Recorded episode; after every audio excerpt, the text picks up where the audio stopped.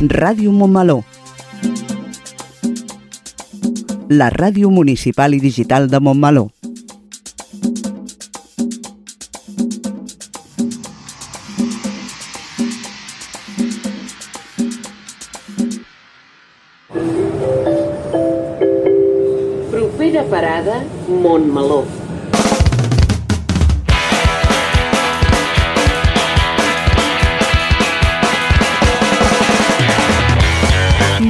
Montmeló sona.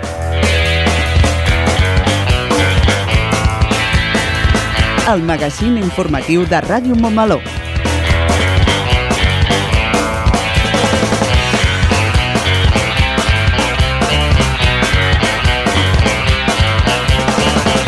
Molt bon dia a tothom. Avui és divendres 26 de maig de 2023 i comencem una nova edició del Montmeló Sona.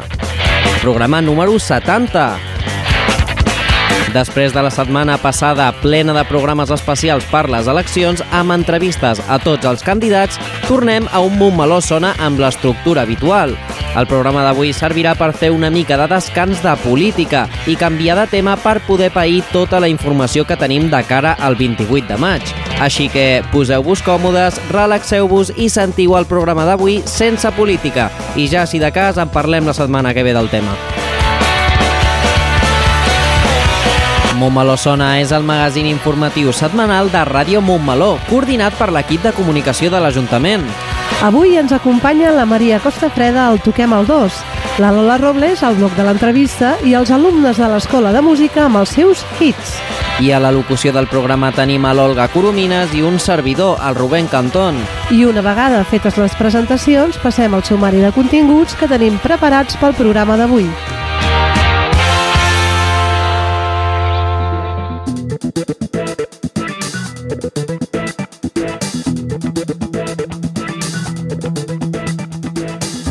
Comencem amb la Maria Costa Freda amb un nou Toquem el 2, en el qual farem un tom per Catalunya en miniatura. Seguirem amb el nostre espai informatiu Crònica de Montmeló, on farem un repàs de l'actualitat del nostre poble.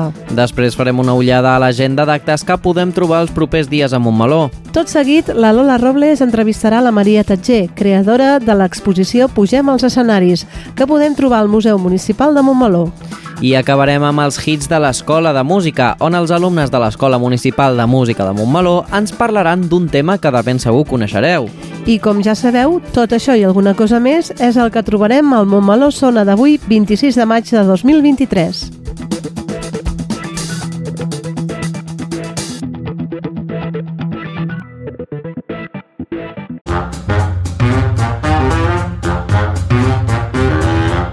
Montmeló sona, el magazín informatiu de Ràdio Montmeló. Montmeló sona i sona així de bé.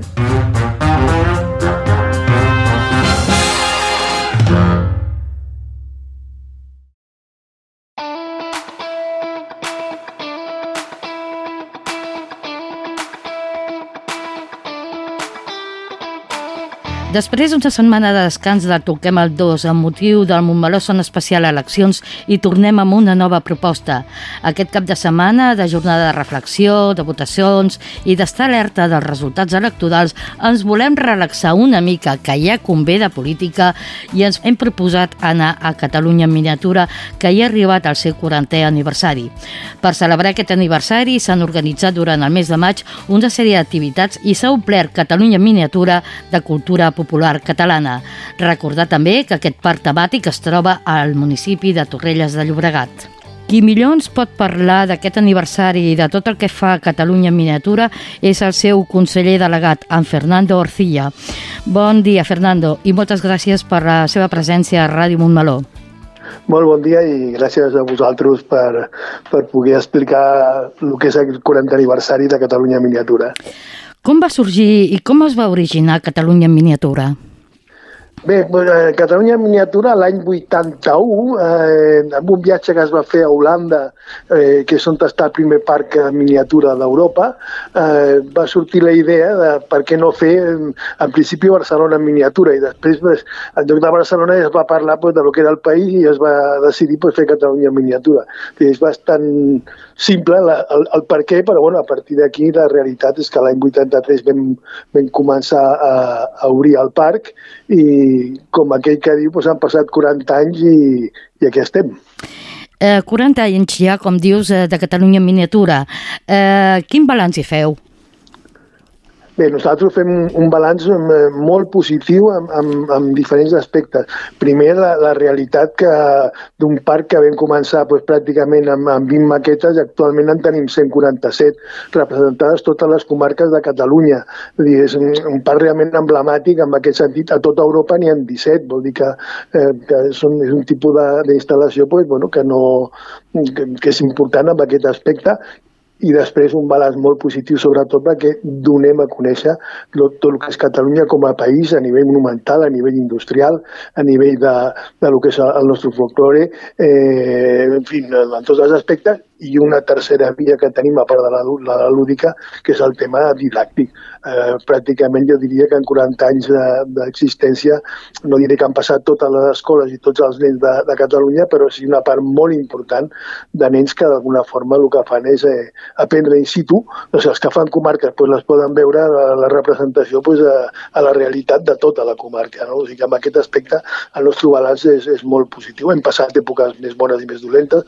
Actualment jo penso que estem en una, una molt bona època i el balanç és positiu en tots els aspectes. Què ens podem trobar aquest cap de setmana amb la cluenda de les celebracions del 40è aniversari? Bé, aquest cap de setmana que fem la cluenda, com tu comentes, després d'haver passat pues, eh, els castells de Vilafranca, eh, el gegant de Tarragona, el gegant d'Esplugues, Pastors de Masquefa, aquest cap de setmana, concretament el dissabte, tenim la colla gegantera i grallers de Sant Pere de, Torrelló, de Torelló, el grup sardanista Maig de Barcelona, i el diumenge, ja com a, com a cluenda final del, dels 40 aniversari doncs tenim els Falcons de Piera i els Falcons de Vilanova i la Geltrú i amb això doncs, ja tanquem tot el mes de maig eh, amb la celebració del 40 aniversari. Fernando, hi han previstos més eh, actes al llarg de l'any per commemorar els 40 anys de Catalunya Miniatura? Bé, nosaltres ara estem treballant sobretot de cara al, a la tardor, eh, segurament de fer algun tipus d'actuació i d'acte que d'alguna forma sigui la cluenda de final d'any. Eh, no us puc avançar massa perquè és una cosa que la tenim, eh, està en una fase molt embrionària, però sí que volem fer pues, eh, una cluenda d'any, diríem, d'aniversari eh, amb, amb diferents actuacions, però que en aquests moments encara no podem, mm -hmm. no podem dir-ho. Estarem pendents, en tot cas, aviam si hi ha eh, actes previstos, tal i com dius, de cara a la tardor. Què els diries als montmelonins i montmelonines per tal que vagin a Catalunya en miniatura? Bé, jo us diria, evidentment, que esteu convidats a, a venir, a, que tindreu una experiència eh, diferent perquè és un, és un puesto que fins que no ho veus i, i ho trepitges, doncs la gent es pensa que són maquetes petites i eh, trobareu un, un paisatge mm, increïble, estem al mig de, de, de la natura eh, i el que no trobareu, que és una cosa que també alguna vegada eh, hem treballat i ara sembla ser que potser treballarem, serà pues, fer alguna cosa en aquest cas de Montmeló com pot ser el circuit de Catalunya. També és un, un tema que el tenim en pendent, però sobretot el que jo els diria és que poden venir a, a gaudir d'un dia en família o en parella, en fi, amb, amb amics i que realment ho passaran molt bé tant per lo que és la part lúdica i cultural de les, les maquetes, com la part que tenim del, del bosc d'aventura, són tirolines mig del bosc, que acaben amb una tirolina de 150 metres, és a dir, és per gaudir de tot un dia d'experiències de, diferents. Doncs ens agradaria molt, com a Montmelonins, eh, poder comptar a Catalunya Miniatura amb el nostre circuit. Molt bé. doncs moltes gràcies, Fernando Arcilla, per atendre a Ràdio Montmeló i per explicar què és Catalunya en miniatura. Moltes gràcies a vosaltres i repeteixo, eh, esteu tots convidats a venir a Catalunya en miniatura. Moltes gràcies. I ja toquem el 2 i la propera setmana més. Molta reflexió el dissabte. Sortim a votar el diumenge. Estiguem pendents dels resultats electorals, però no oblidem de disfrutar. Bon cap de setmana. methu pob tro Ti dal y borffan segrada ffamilia i geisio byw a bod Ti'n canu, ti'n mynu, ti'n caru, ti'n machlyd fel seren yn y glas Ond ti'n ysu am y blas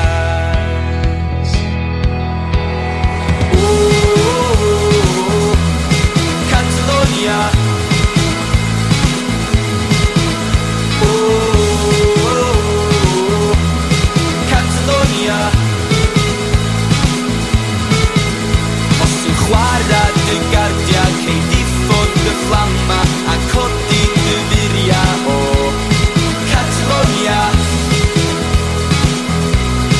Catalonia. Ti di methu o'r blaen Ond wedes di yn hollol blaen. Rhaid colli cwsg er yn curo calon gwlad. O, oh, ti'n canu Ti'n mynnu, ti'n caru, ti'n machlyd fel seren yn y glas.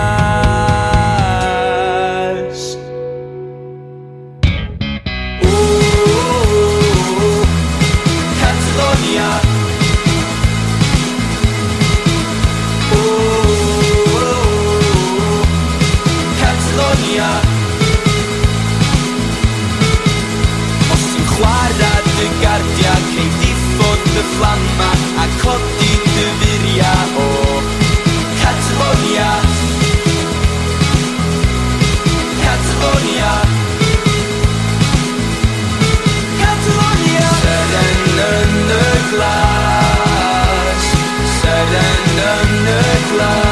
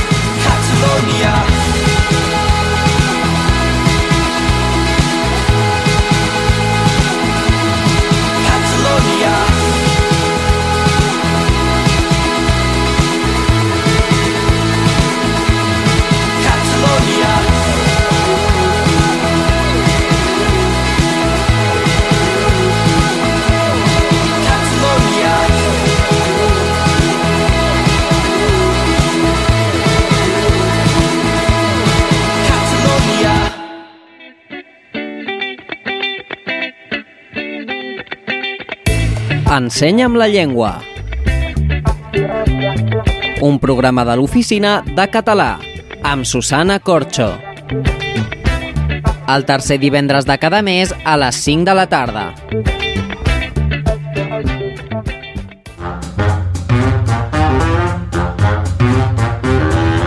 Montmeló sona, el magazín informatiu de Ràdio Montmeló. Montmeló sona i sona així de bé.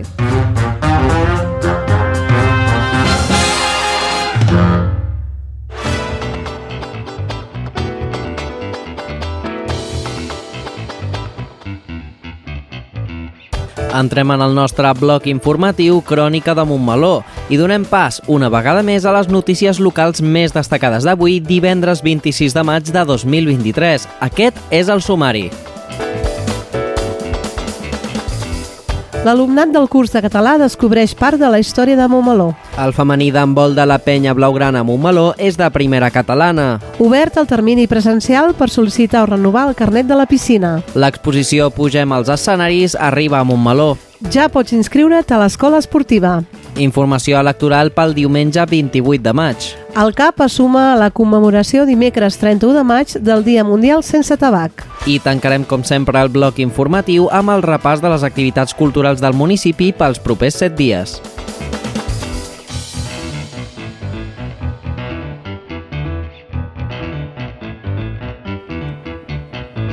L'alumnat del català de Bàsic 2 de Montmeló estan estudiant tot el vocabulari referent al poble, com són els carrers, què hi podem trobar, quins equipaments hi ha a Montmeló, etc. Per això van fer una sortida pel carrer Major i van conèixer millor la seva història. Gairebé tot l'alumnat del curs de català viu a Montmeló, alguns dels quals van arribar fa més de 20 anys, però la gran majoria fa tot just uns mesos que van aterrar al poble, amb la qual cosa van descobrir com un poble que començà sent un lloc d'estiueig per molta gent de la ciutat de Barcelona, ara és el seu poble amb una identitat i característiques pròpies. El grup del curs de català, acompanyat del tècnic del Museu i Patrimoni, en Pol Castejón, va seguir el trajecte del carrer Major, tot descobrint els seus orígens i la seva història. Durant la visita els hi va sorprendre molt l'existència dels antics bars de dalt i de baix, on antigament es reunia la gent del poble, depenent de les seves tendències polítiques i situació econòmica. També van descobrir com l'antic cinema passava a ser un banc o el que antigament era l'Ajuntament la presó, i l'escola ara és un simple local. Què millor per conèixer la llengua d'un lloc que descobrir i conèixer la història de la seva gent. El sènior femení de la penya blaugrana d'handbol de Montmeló ja té l'ascens a la butxaca. Amb tres partits encara per jugar, les montmelonines ja poden dir que són equip de primera catalana, tot haver perdut el lideratge de la fase d'ascens el passat cap de setmana. La derrota del club d'handbol Palau Tordera davant l'handbol Molins va assegurar l'objectiu de les de Montmeló. Les jugadores de l'equip local no van poder celebrar la fita amb un bon resultat, ja que van caure a la pista de l'handbol Esplugues per 25 a 22. La penya blaugrana d'handbol de Montmeló ha perdut el lideratge del grup d'ascens en aquesta jornada en favor de l'handbol Llevaneres i és actualment segona amb 15 punts. Les notícies positives van arribar des de baix, ja que la diferència de 6 punts respecte als llocs de fora de l'ascens els permet assegurar la seva promoció a la segona categoria de l'handbol català. L'equip femení tindrà l'oportunitat de celebrar el desitjat ascens aquest cap de setmana amb la seva afició. Les de Montmeló reben el CH Sant Esteve Ses el dissabte a les 17.30 hores al pavelló municipal, on es retrobaran amb l'afició ja com a equip de primera catalana. A partir del 22 de maig es pot fer el carnet d'abonament de manera presencial al pavelló i al vestíbul de l'Ajuntament. Els horaris d'atenció al públic són de dilluns a divendres de 9 a 13 hores al vestíbul de l'Ajuntament, dimarts i dijous de 17.30 hores a 19.30 hores al pavelló municipal. Els abonaments s'expedeixen exclusivament a persones empadronades a Montmeló i són gratuïts per a infants nascuts del 2017 al 2023. Han de tenir carnet els infants nascuts als anys 2017, 2018 i 2019. Les persones nascudes l'any 1958 i anteriors que estiguin empadronades a Montmeló, si tenen carnet de la temporada anterior, se'ls activarà automàticament. L'exposició Pugem als escenaris arriba a Montmeló. Aquesta exposició documental vol visibilitzar el paper de la dona dins la indústria musical del país. La mostra itinerant, que es va estrenar a Manresa, Vic i Girona, arriba ara a Barcelona i al Museu de Montmeló. Pugem als escenaris és un projecte al qual posa en manifest la invisibilització que pateixen les dones, persones del col·lectiu LGTBI o amb identitats dissidents de la indústria musical catalana. Aquest se centra en l'escena actual referent a Catalunya i vol donar veu a les dones que es troben sobre els escenaris com les que treballen darrere. L'acció principal del projecte és una exposició itinerant per diferents ciutats de Catalunya. L'exposició plasma la informació recopilada de manera visual i interactiva per fer palpable la situació de la dona a la indústria musical.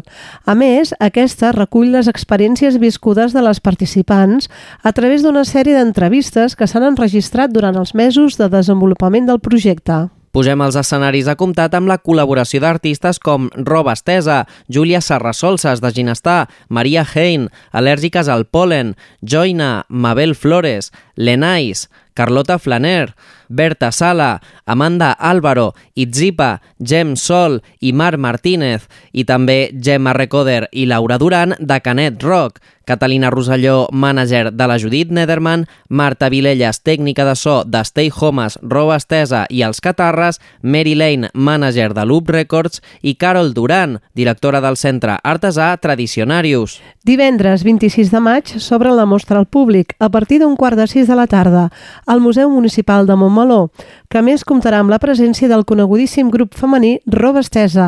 Serà una gran tarda per compartir coneixements, experiències i sobretot música, amb aquestes dones artistes que amb la seva joventut ja disposen d'una dilatada i contrastada trajectòria musical.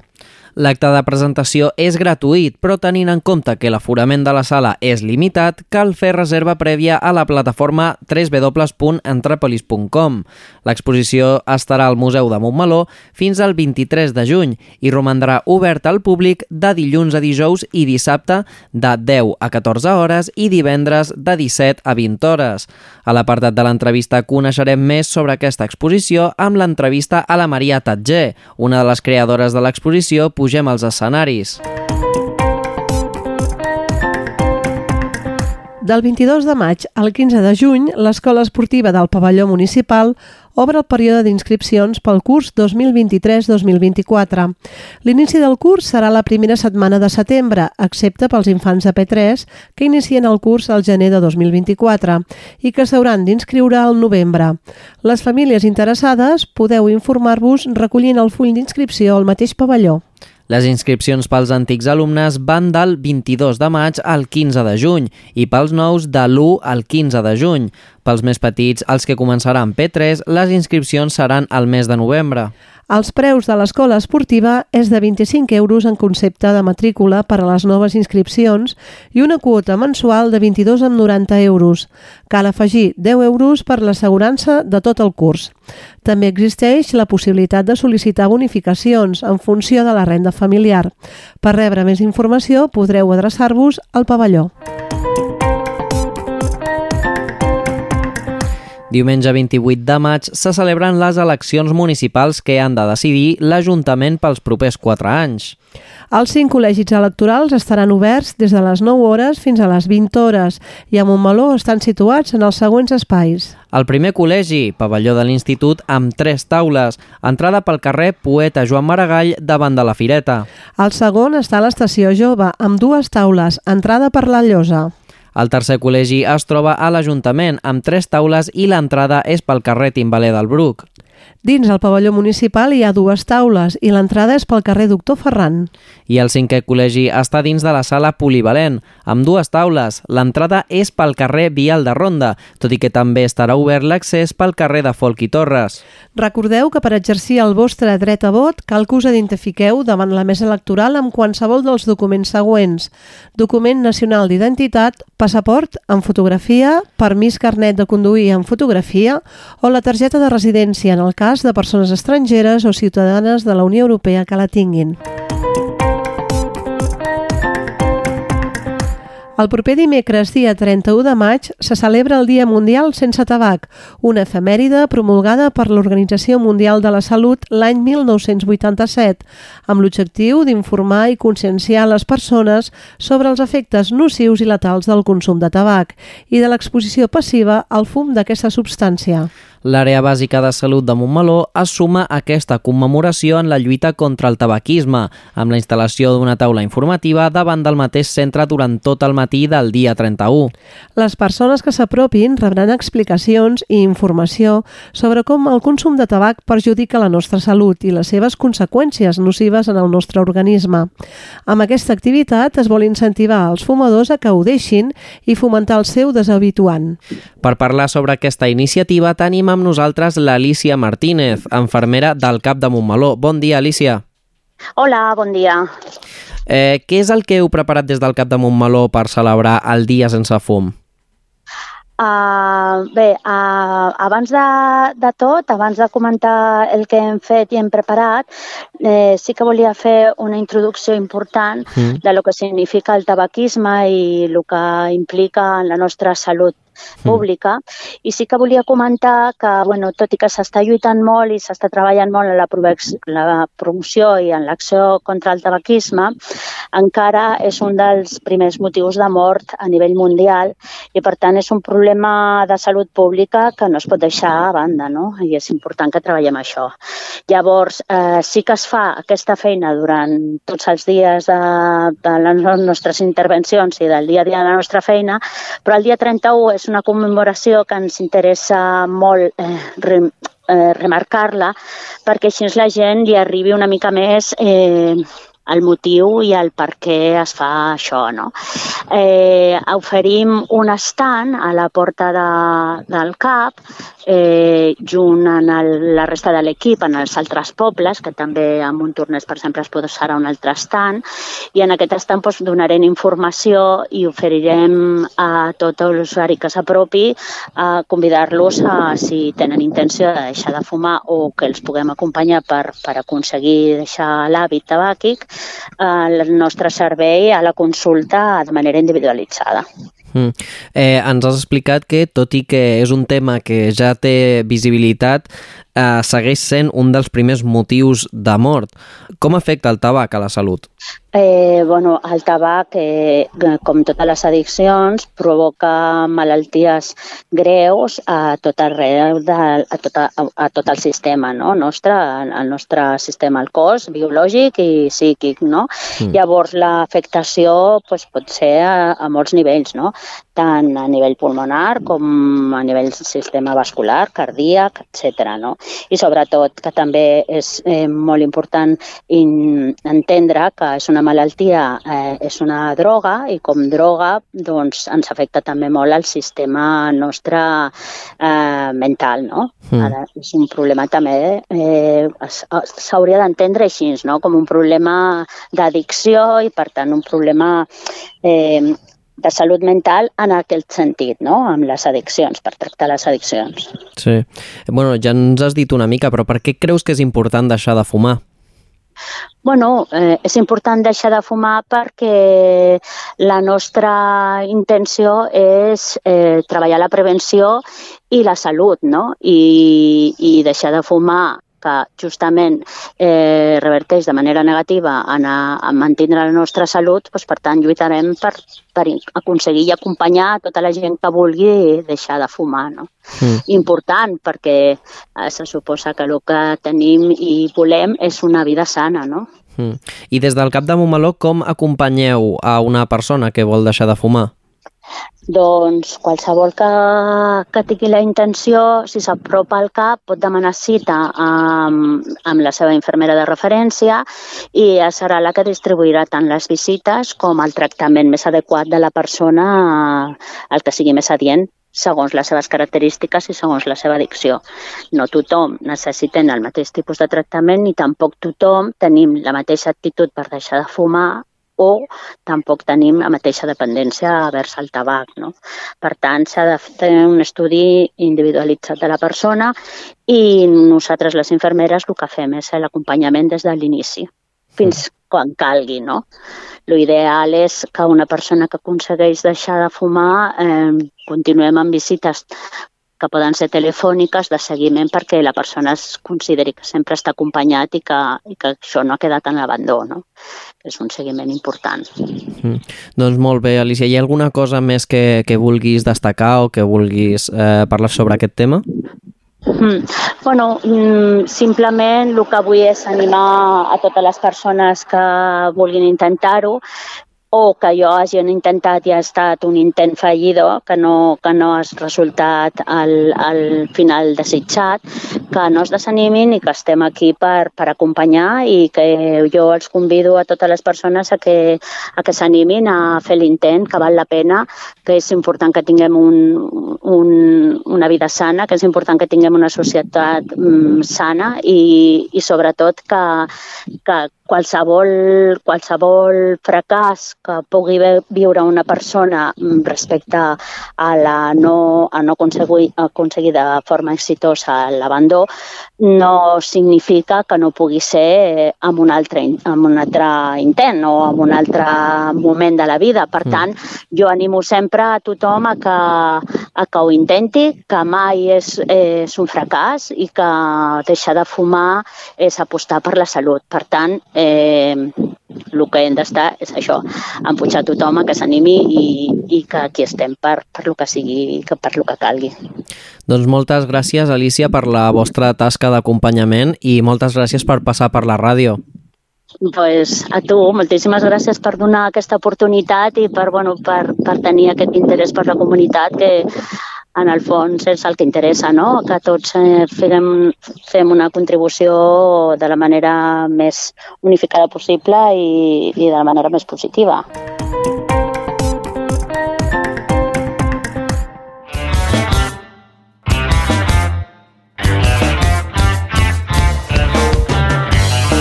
Iniciem el bloc de l'agenda d'activitats culturals d'aquest cap de setmana i la setmana que ve.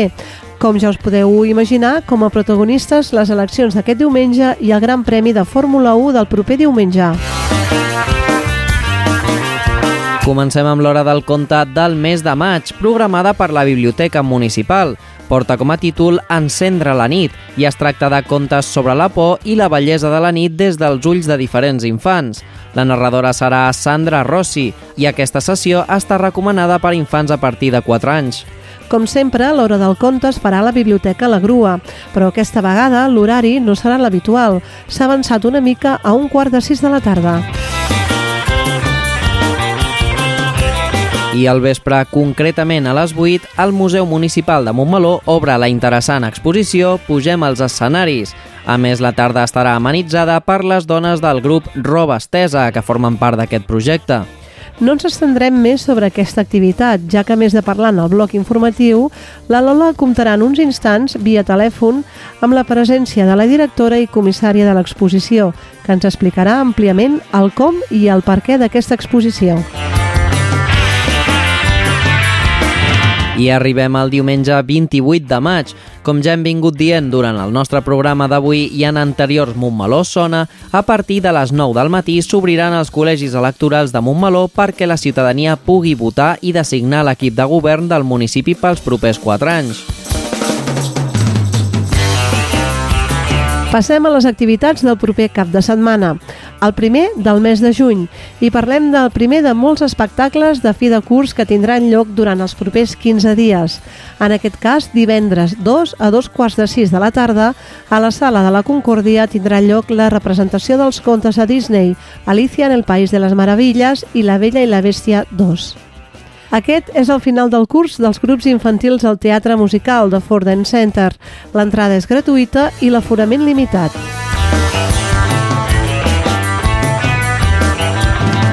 Una mica més tard, a les 6 de la tarda, la biblioteca ha programat una nova sessió de tallers de la sèrie Bibliolab. En aquesta ocasió, la canalla es convertirà per una estona en mags i faran una poció màgica. És un taller per a infants entre 5 i 8 anys i s'ha de realitzar l'inscripció prèvia a la mateixa biblioteca. El dissabte dia 3 de juny, Montmeló s'aixecarà ple de parades, ja que les paradetes de marxandatge pròpies de la Fórmula 1, l'Ajuntament ha organitzat una fira en el centre de Montmeló. L'avinguda de Pompeu Fabra i la plaça de la Vila s'ompliran de parades, animació musical, zones de restauració, un circuit de cars, vehicles clàssics, simuladors de vehicles i moltes més coses. La ciutadania de Montmeló i les persones visitants que aquest cap de setmana vinguin al circuit podran gaudir tot el dia de diferents activitats en el centre de Montmeló. I a la tarda, concretament a dos quarts de vuit, la sala polivalent obrirà el taló amb l'obra teatral Enmadrados, de Joaquim Bundó. Es tracta d'una comèdia amb tres històries i una cosa en comú. Les mares els fan la vida impossible a tots tres protagonistes. Aquesta obra, a més, compta amb la presència de l'actriu local Laia López. Recordeu que encara sou a temps de treure entrades per veure Enmadrados a través de la plataforma d'entrapolis.com. I acabem la nostra agenda d'activitats parlant d'un altre fi de curs. En aquest cas serà el del grup de dansa del ventre de la Torreta, que faran una exhibició de coreografies apreses durant el curs, amb la direcció de la professora Elisabet Garcia. Tot això serà diumenge 4 a les 7 de la tarda a la sala polivalent.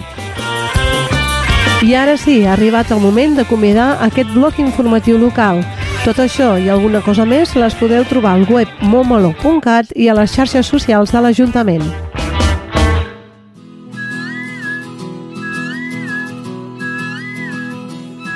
Hi ha dredons de sucre vols sense motor i un mur de vidre sense mala intenció i els àngels riuen. I els àngels riuen així.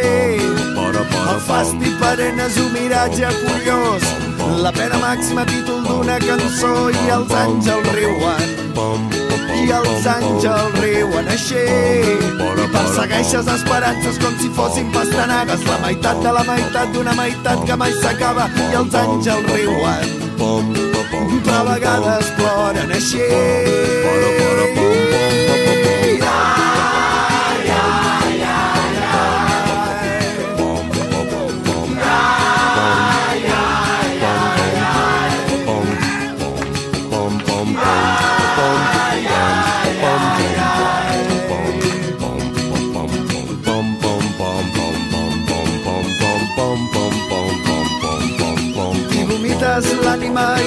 Queden els bocins si seguiu escoltant seguireu disfrutant com els àngels riuen.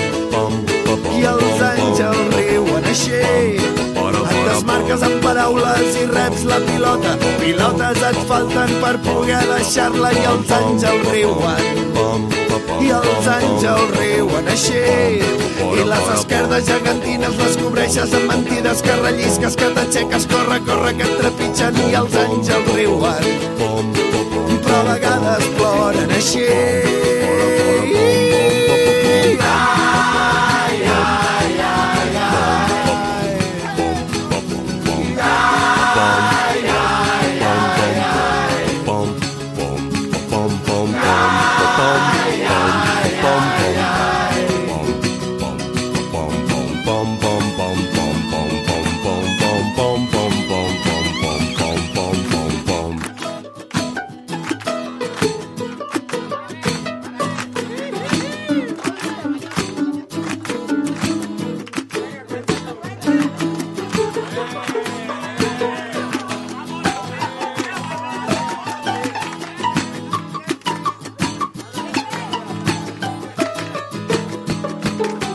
pengen del coll mentre es cuines, que fan fotos, fan roba, fan cine.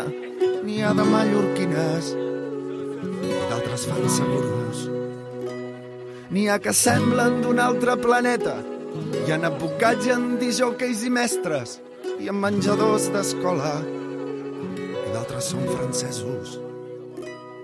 N'hi ha de vells i joves i de totes les mides que surten de nit i dormen de dia, que venen pisos. Però tots intenten riure per viure. Hi ha dredons de sucre vols sense motor i un mur de vidre sense mala intenció i els àngels riuen. I els àngels riuen així. Pateixo no escric i si no escric no canto. Prova a fer-me més mal que segur que ho aguanto i els àngels riuen. Però a vegades ploren així.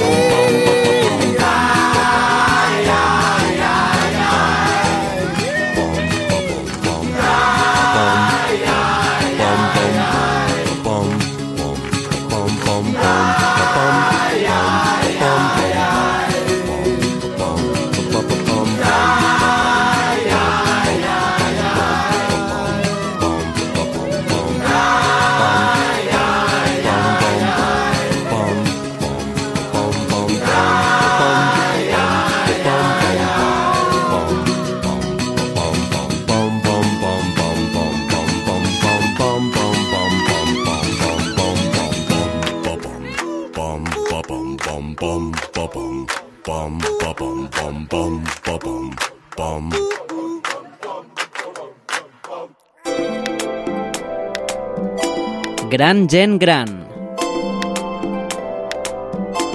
El magazín del col·lectiu de pensionistes. El dia 1 de cada mes a Ràdio Montmeló.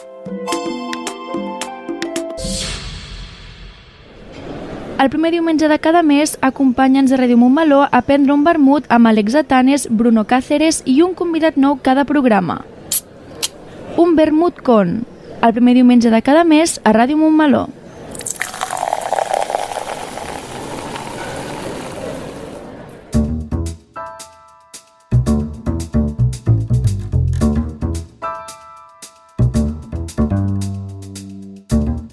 Aquest vespre, a les 8, s'inaugura l'exposició Pugem als escenaris al Museu Municipal, un projecte artístic que posa de manifest la invisibilització que pateixen les dones de la indústria musical catalana.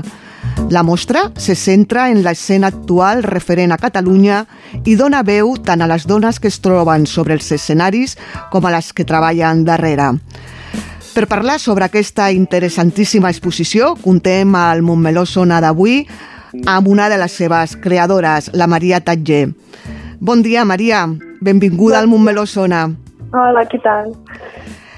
Uh, primer de tot, m'agradaria que ens expliquessis una mica com va néixer el projecte Pugem als escenaris. Què us va motivar a portar-lo a terme i per què vau decidir enfocar-lo en la visibilitat de les dones? Sí, doncs no, nosaltres som unes quantes noies que som amigues i anàvem a festivals i sempre veiem pues, que faltaven dones als escenaris, anàvem a, uh, festivals que es fan a Catalunya, també festes majors, i sempre comentàvem, jolín, com pot ser que la majoria de grups um, siguin tots formats per nois i que sigui tan difícil veure com dones sobre els escenaris. I llavors jo pel meu TFG de final de grau doncs, uh, vaig voler com investigar més i vaig fer com tota la comunicació d'aquest projecte i llavors d'aquí va sorgir la idea. Què podran veure les persones que s'apropin divendres a l'exposició? Doncs l'exposició hem, hem intentat que sigui uh, molt visual, interactiva. Uh, hi ha molta informació recopilada tant de d'informes que estan publicats uh, a tot arreu, fins a experiències que nosaltres hem recollit d'artistes i de treballadores que treballen dins la indústria musical i realment és molt interessant, et fa reflexionar i també com uh, et fa um, obrir els ulls i ser més conscient de, del que consumeixes. Heu treballat amb una llarga llista de cantants i instrumentistes, però també de dones que estan darrere de l'escenari, com tècniques de so, productores, mànagers, programadores, etc. Com es van involucrar en el projecte? Doncs realment, o sigui, nosaltres mm, vam llançar la proposta a algunes uh, dones que treballen dins la indústria musical i realment que van respondre superbé i super amables, ens van convidar fins i tot als seus espais on treballen per entrevistar-los i realment elles també pues, són molt conscients del que viuen dia a dia i també elles són les primeres que es troben amb això, no? I llavors mm, ens van obrir les portes i i va ser molt guai entrevistar-les i també pues, veure el que han viscut elles durant tots aquests anys. Uh, aquesta exposició mm, posa en evidència les diferències en la forma en què es valora i promou el treball de les dones en comparació amb els homes en la indústria musical. Quines diries tu que són aquestes eh, diferències que t'has trobat? pues, mira, així per mm, dir-ho fàcilment, per exemple, hem calculat el nombre d'homes i dones que hi han sobre els escenaris en els festivals on uh, assisteix més gent aquí a Catalunya i hem vist que la, bueno, hi ha una diferència molt bèstia. En la majoria d'aquests festivals no s'arriba al 50% de paritat de gènere i és algo molt bèstia i llavors també doncs, experiències que ens han explicat les mateixes persones que vam entrevistar. Sí, perquè una, no sé si és correcta o ja ha canviat això, una de les dades que s'estrau de l'exposició és que només el 33%, eh, és a dir, una tercera part de la indústria està formada per dones, oi?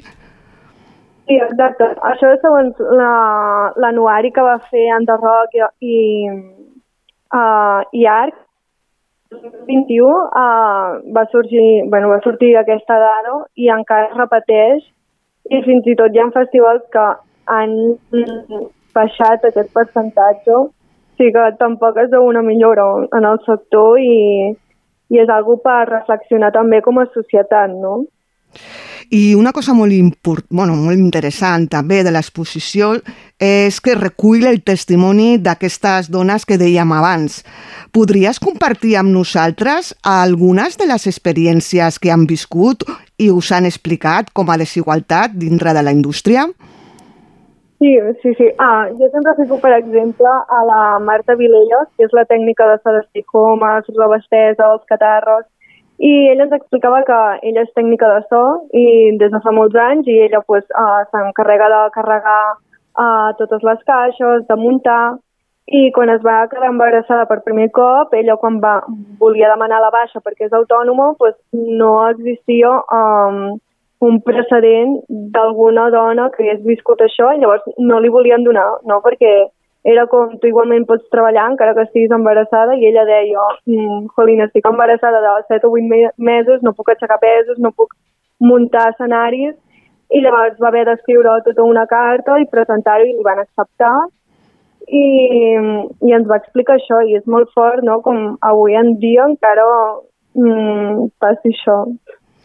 Sí, de les moltes frases que recull l'exposició hi ha el testimoni també de la Clàudia Garcia, integrant d'arroba estesa, diem, mm, cito literalment, rebem una violència estructural pel fet de ser dones que ens obliga a fer un sobreesforç per participar en certs circuits i ens impedeix arribar a certs llocs.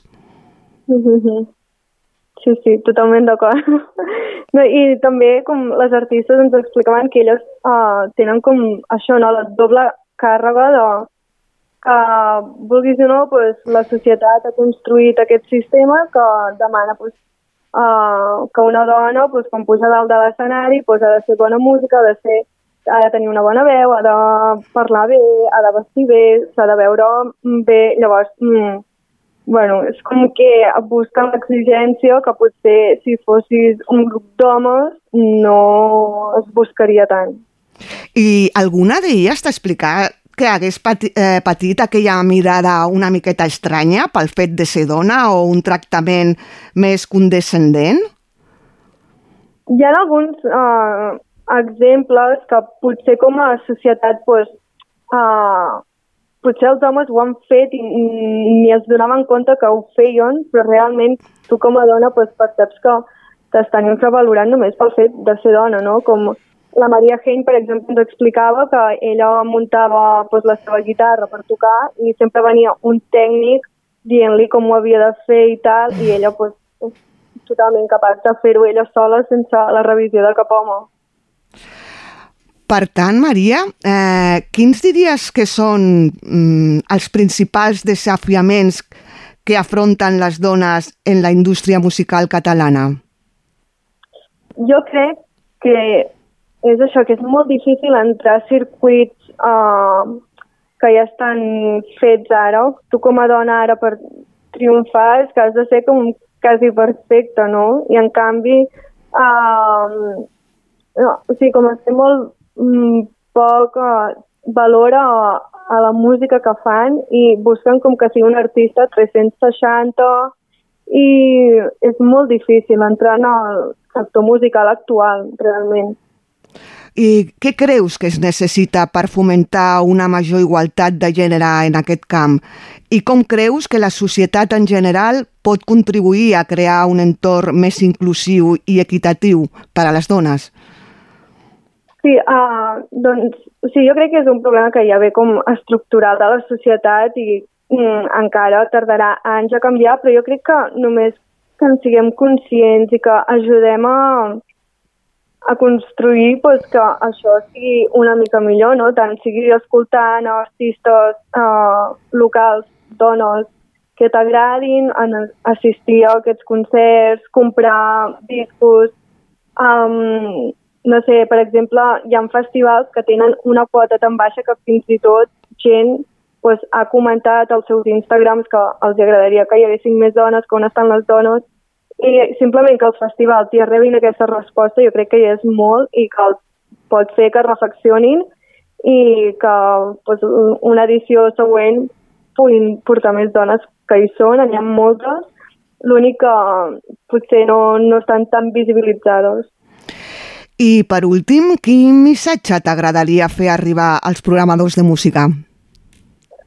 els programadors de música um, que investiguessin, que investiguessin molt, perquè hi ha moltes dones hi ha molts grups de dones, moltes artistes, mmm, que encara pues, falta que estiguin més visibilitzades, no? I jo crec que és que només que vulguin investigar una mica més de, de la, bueno, dels grups comercials que hi ha ara mateix, jo crec que en trobarien moltes i de molt guais i que podrien omplir també tot el que vulguin. Doncs moltes gràcies, Maria, per haver estat al Montmeló Sona d'avui amb nosaltres i als oients us convidem a veure aquesta interessantíssima exposició que s'inaugura avui al Museu Municipal i que comptarà amb la presència del conegudíssim grup femení Roba Estesa. L'exposició es podrà veure fins al 23 de juny.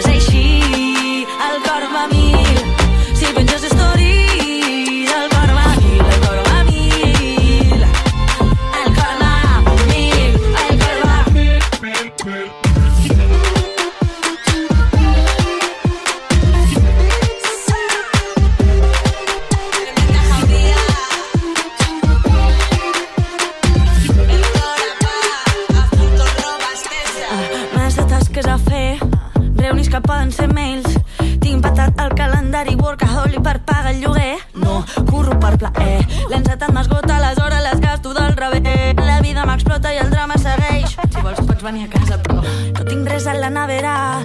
Males decisions sí que hi ha. Contradiccions del capital baix, entrenament emocional. Inversió de carícies al vinc, que curra menys gaudir més de la vida. Si et trobo de festa ens liem fins a mil, perquè el cor em va a full converte mucho. Poder bailarnos cerca. Tal vez durmamos poco, maybe no me interesa. Prefiero vivirlo bien, puro, duro. Ella me preguntó si mañana libraba. Del curro descanso,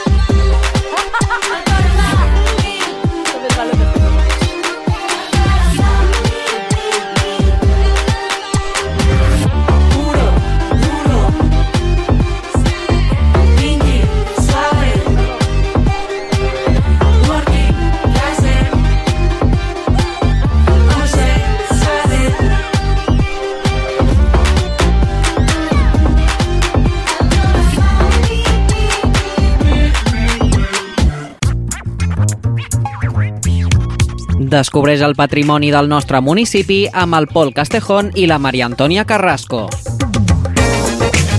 Patrimon. El primer dilluns de cada mes a les 12 del migdia.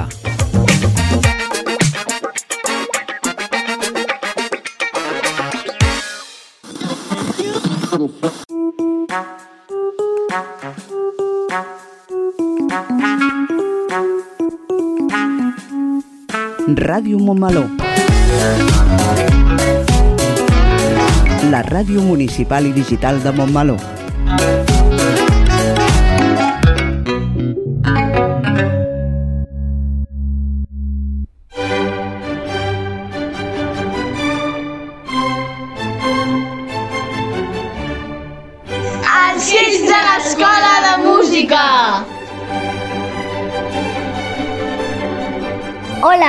En el programa d'avui us presentaré un minuet. Un minuet és un tipus de ball que es feia antigament a les festes dels palaus. Va ser composat l'any 1775 pel compositor italià Luigi Boccherini. Per quintet de corda amb un paper destacat del primer violí. Anem, doncs, a escoltar el minuet de Luigi Boccherini.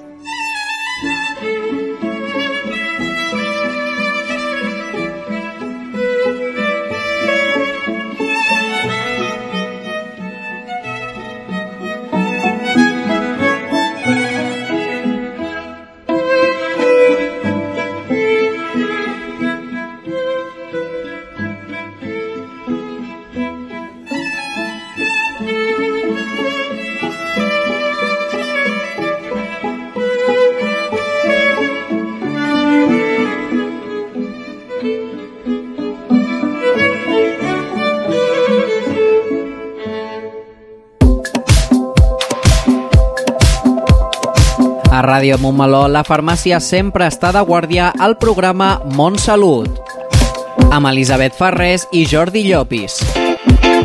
El segon dimarts de cada mes a les 12 del migdia.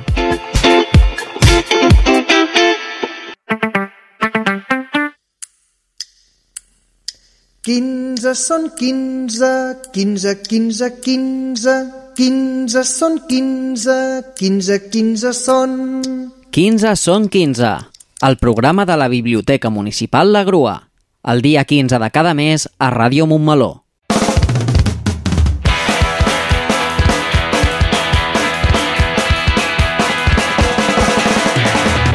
I ja arribem al final del programa, però abans repassem tots els programes que podeu sentir a la nostra emissora durant la setmana.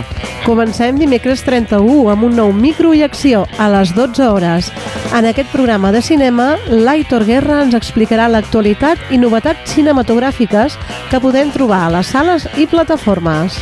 Dijous 1 a les 12 hores, el col·lectiu de pensionistes de Montmeló ens porten una nova edició del programa Gran Gent Gran. El mateix dia, a les 21 hores, ja tindreu disponible en format podcast Fora de Joc, el programa d'esports de Ràdio Montmeló presentat pel Marçal Pont i el Pablo Sánchez. Divendres 2 a les 12 hores, com cada setmana, al Montmeló Sona us explicarem l'actualitat informativa del municipi. Dissabte 3 de juny a les 12 hores, els alumnes de les escoles municipals Pau Casals i Sant Jordi han preparat un nou programa. Els infants també parlen, amb entrevistes i notícies sobre les escoles. Finalment, diumenge 4 tornen l'Àlex Atanés i el Bruno Cáceres amb un vermut especial ressac electoral, on faran un balanç de la campanya electoral municipal i dels programes especials amb els candidats, el diumenge 4 a les 12 del migdia. I amb tot això marxem, però com ja és costum, us volem recordar que podeu contactar directament amb l'emissora si teniu qualsevol idea, suggeriment o opinió mitjançant el nostre correu radiomo.momolo.cat o a través del telèfon i WhatsApp 637 150 702. Molt bon cap de setmana a tothom, que vagi bé la reflexió de demà i exerciu el vostre dret a vot demà passat. I abans d'acabar el programa, ja que a l'especial eleccions de la setmana passada no vam poder parlar d'Eurovisió, finalitzem el programa d'avui amb la cançó d'aquest any. I la setmana que ve hi serem aquí perquè Montmeló tornarà a sonar divendres 2 de juny de 2023 a les 12 del migdia.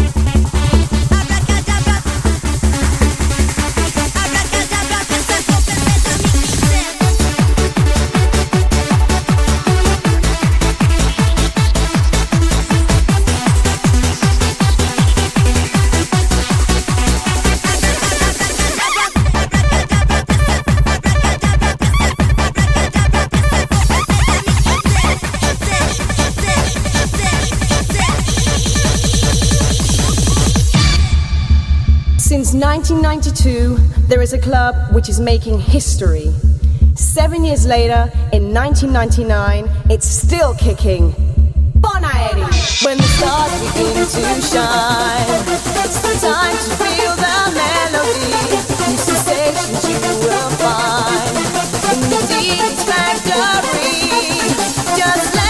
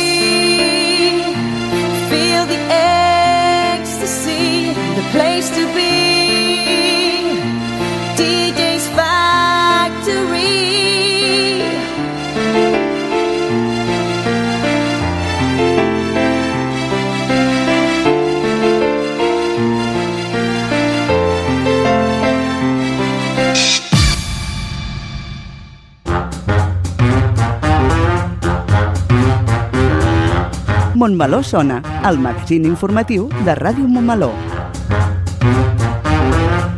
Montmeló sona i sona així de bé.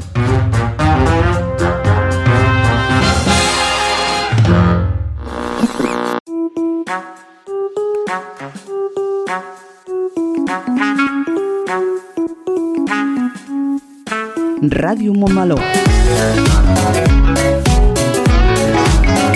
Sintonitza'ns al web radiomontmeló.cat i a través de les xarxes d'Instagram, Facebook i Twitter. Ràdio Montmeló, la ràdio municipal i digital de Montmeló.